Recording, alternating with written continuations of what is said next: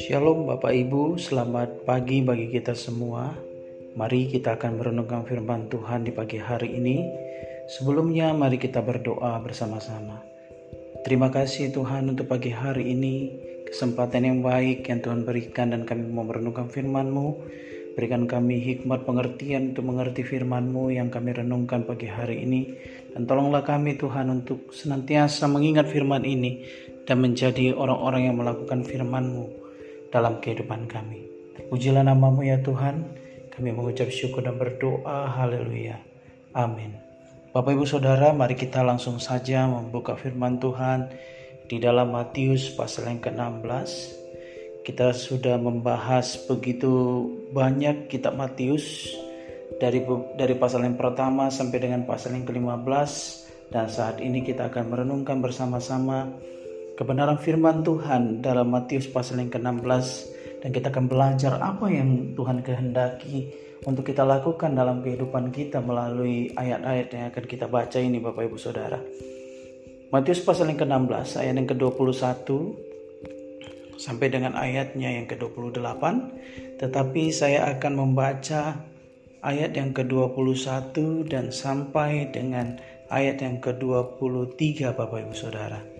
Begini firman Tuhan, sejak waktu itu Yesus mulai menyatakan kepada murid-muridnya bahwa ia harus pergi ke Yerusalem dan menanggung banyak penderitaan dari pihak tua-tua, imam-imam kepala, dan ahli-ahli Taurat, lalu dibunuh dan dibangkitkan pada hari ketiga.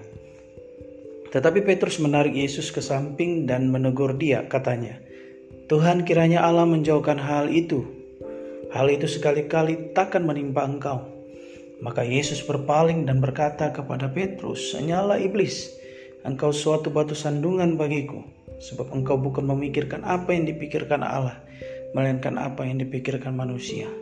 Bapak Ibu Saudara sungguh menarik teks yang kita baca ini Bapak Ibu Saudara. Kalau kita melihat sebelum daripada ayat yang ke-21 Bapak Ibu, kita akan melihat bagaimana Tuhan sendiri, Yesus sendiri berkata kepada Petrus, Ketika Petrus memberikan pengakuan tentang siapa itu Yesus, kemudian Tuhan berkata kepada Petrus bahwa melalui Petrus Tuhan akan membangun jemaat.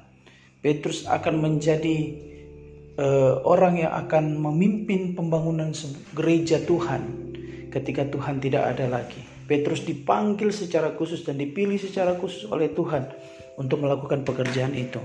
Lalu kemudian di dalam ayat yang ke-21 ketika Yesus menyampaikan tentang penderitaan yang harus dia lewati, yang akan dia alami oleh karena dia harus melewati penderitaan itu untuk keselamatan banyak orang. Petrus kemudian seolah-olah kalau kita membacanya, Petrus sepertinya ingin melindungi Yesus. Petrus mengatakan uh, bahwa semua itu tidak akan terjadi dengan Yesus karena Petrus ingin melindungi Yesus. Tetapi Bapak Ibu Saudara di dalam ayat yang ke-23 Yesus kemudian berkata menyebut Petrus, "Enyahlah iblis. Engkau suatu batu sandungan bagiku sebab engkau bukan memikirkan apa yang dipikirkan Allah, melainkan apa yang dipikirkan manusia." Bapak Ibu Saudara, sebenarnya tidak membingungkan bagi kita kalau kita mengerti mengapa apa yang menjadi maksud daripada Yesus mengatakan kepada Petrus, "Nyalah iblis." Kalau kita memperhatikan Bapak Ibu Saudara atau kita mencoba untuk memahami jalan keselamatan yang harus di, yang harus di, yang yang untuk kita miliki Bapak Ibu Saudara. Penderitaan yang harus dilewati oleh Kristus bagi kita demi keselamatan kita adalah rancangan Allah. Kalau kita memahami itu maka kita bisa mengerti bahwa orang yang menghalangi rencana Allah, yang menghalangi rancangan Allah untuk membawa keselamatan melalui pengorbanan Kristus itu sama dengan iblis Sebab iblis tidak suka dengan orang-orang yang diselamatkan. Iblis tidak suka dengan rencana Allah untuk menyelamatkan manusia yang berdosa. Sebab dia mau semua manusia yang diciptakan Allah ini bersama-sama dengan dia akan binasa. Maka ketika Petrus menghalangi, seolah-olah menghalangi, membela Yesus. Tetapi sebenarnya menghalangi Yesus. Maka Yesus kemudian menegur dan berkata dengan keras kepada Petrus, Nyala iblis, engkau batu sandungan bagiku. Karena Petrus tidak memikirkan apa yang dipikirkan Allah. Petrus tidak memikirkan rancangan Allah mengapa Yesus harus ada di dunia, mengapa Yesus harus melewati penderitaan itu dan mengapa Yesus harus mati di kayu salib. Karena tujuannya adalah untuk menyelamatkan manusia. Itulah rancangan Allah. Itulah yang dipikirkan Allah, Bapak Ibu Saudara. Sehingga Yesus menegur Petrus, nyala iblis. Karena setiap orang yang menghalangi keselamatan adalah orang yang berasal dari iblis, Bapak Ibu Saudara. Dan kemudian Bapak Ibu kita bisa melihat Yesus kemudian melanjutkan perkataan dengan berkata, lalu Yesus berkata kepada murid-murid, murid-muridnya, setiap orang yang mau mengikut aku, ia harus menyangkal dirinya, memikul salibnya dan mengikut aku. Karena barang siapa mau menyelamatkan nyawanya, ia akan kehilangan nyawanya. Tapi barang siapa kehilangan nyawanya karena aku, ia akan memperolehnya. Dari sini kita bisa memahami dan saya ingin memberitahukan kepada Bapak Ibu bahwa Petrus memikirkan dirinya sendiri. Dia memikirkan kenyamanannya. Dia memikirkan kalau dia bersama dengan Yesus, dia nyaman, dia tenang, dia tentram. Dia damai, dia bisa melihat begitu banyak tanda dan mujizat yang luar biasa. Dan Yesus sendiri melakukannya dalam dalam uh, kehidupannya Bapak Ibu Saudara. Tetapi Yesus menegur hal itu. Yesus mengatakan kepada murid-muridnya, "Kalau kamu mengikut Aku, kamu harus menyangkal dirimu." Artinya, kamu jangan mau uh, mengikut Yesus untuk keuntungan dirimu sendiri saja, untuk kenyamananmu. Tetapi kamu harus memikul salib dan mengikut Aku. Kalau kita mengikut Yesus, maka kita harus siap menderita. Kalau kita mengikut Yesus, kita harus siap untuk mengalami hal-hal yang tidak kita suka. Karena itulah yang dikatakan oleh Yesus. Ada banyak orang di dunia ini uh, menolak Kristus, menolak mengikuti Yesus, bahkan kecewa ketika mengikuti Yesus oleh karena mereka memahami kalau mengikut Yesus itu pasti hidup akan enak, pasti hidup akan diberkati. Bapak, Ibu, Saudara, hidup kita akan diberkati kalau kita mengikut Yesus. Hidup kita akan penuh dengan uh, sesuatu yang baik kalau kita mengikut Yesus. Tetapi Tuhan tidak suka setiap orang berada di dalam zona nyaman. Ketika mengikut Yesus, dia merasa nyaman, nyaman, nyaman, dan nyaman sehingga dia lupa apa yang menjadi tujuan hidupnya. Dia lupa apa yang firman Tuhan katakan. Bapak ibu saudara kemudian Yesus mengatakan barang siapa menyelamatkan nyawanya ia akan kehilangan nyawanya. Tapi barang siapa kehilangan nyawanya karena aku, ia akan memperolehnya. Ada banyak orang mencari keuntungan. Ada banyak orang mencari kekayaan. Ada banyak orang mencari kemegahan dirinya. Tetapi semua itu akan sia-sia Bapak Ibu Saudara. Ada sebuah kisah dari seorang kaisar, salah satu kaisar yang ada di di Cina Bapak Ibu Saudara.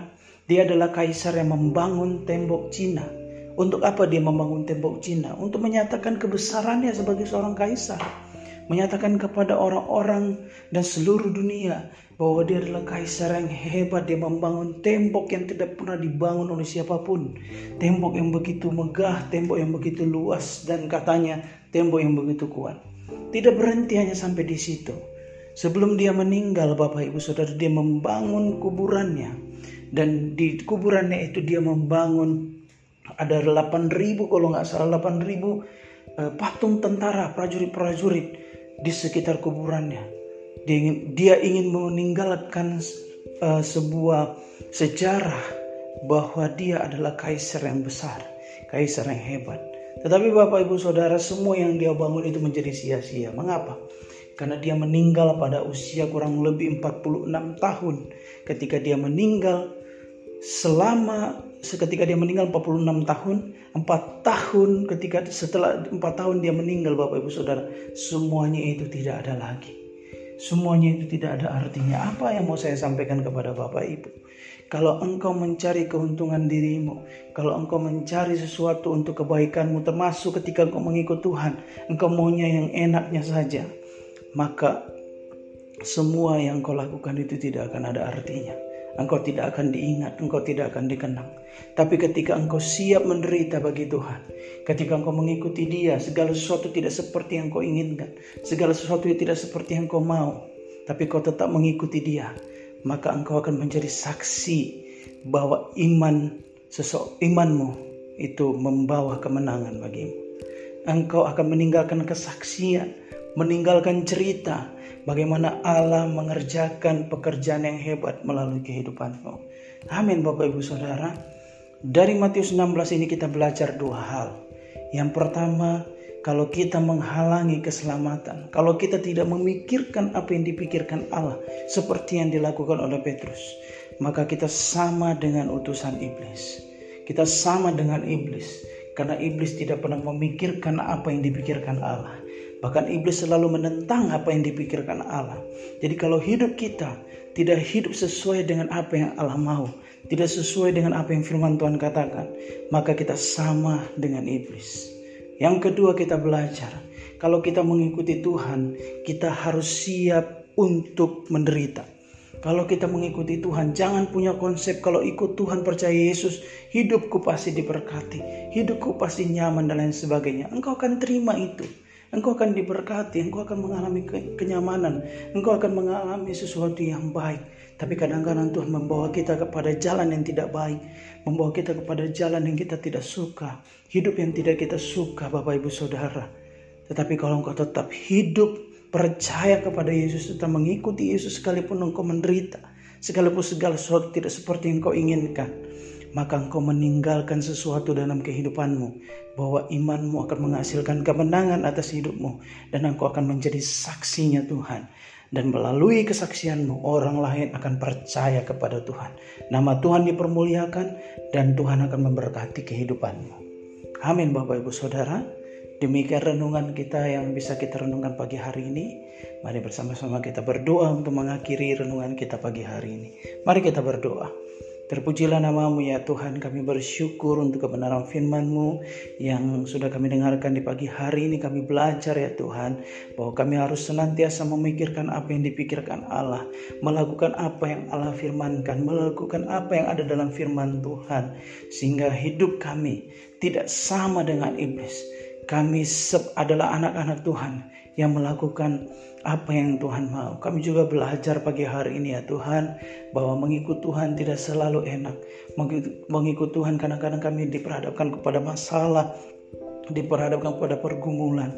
Tapi kami percaya kalau kami tetap mengikuti Engkau, tetap eh, setia ya Tuhan, maka kami akan meninggalkan cerita kesaksian yang akan memberkati banyak orang dalam kehidupan kami. Terima kasih ya Tuhan, kami bersyukur untuk firman-Mu pagi hari ini. Haleluya.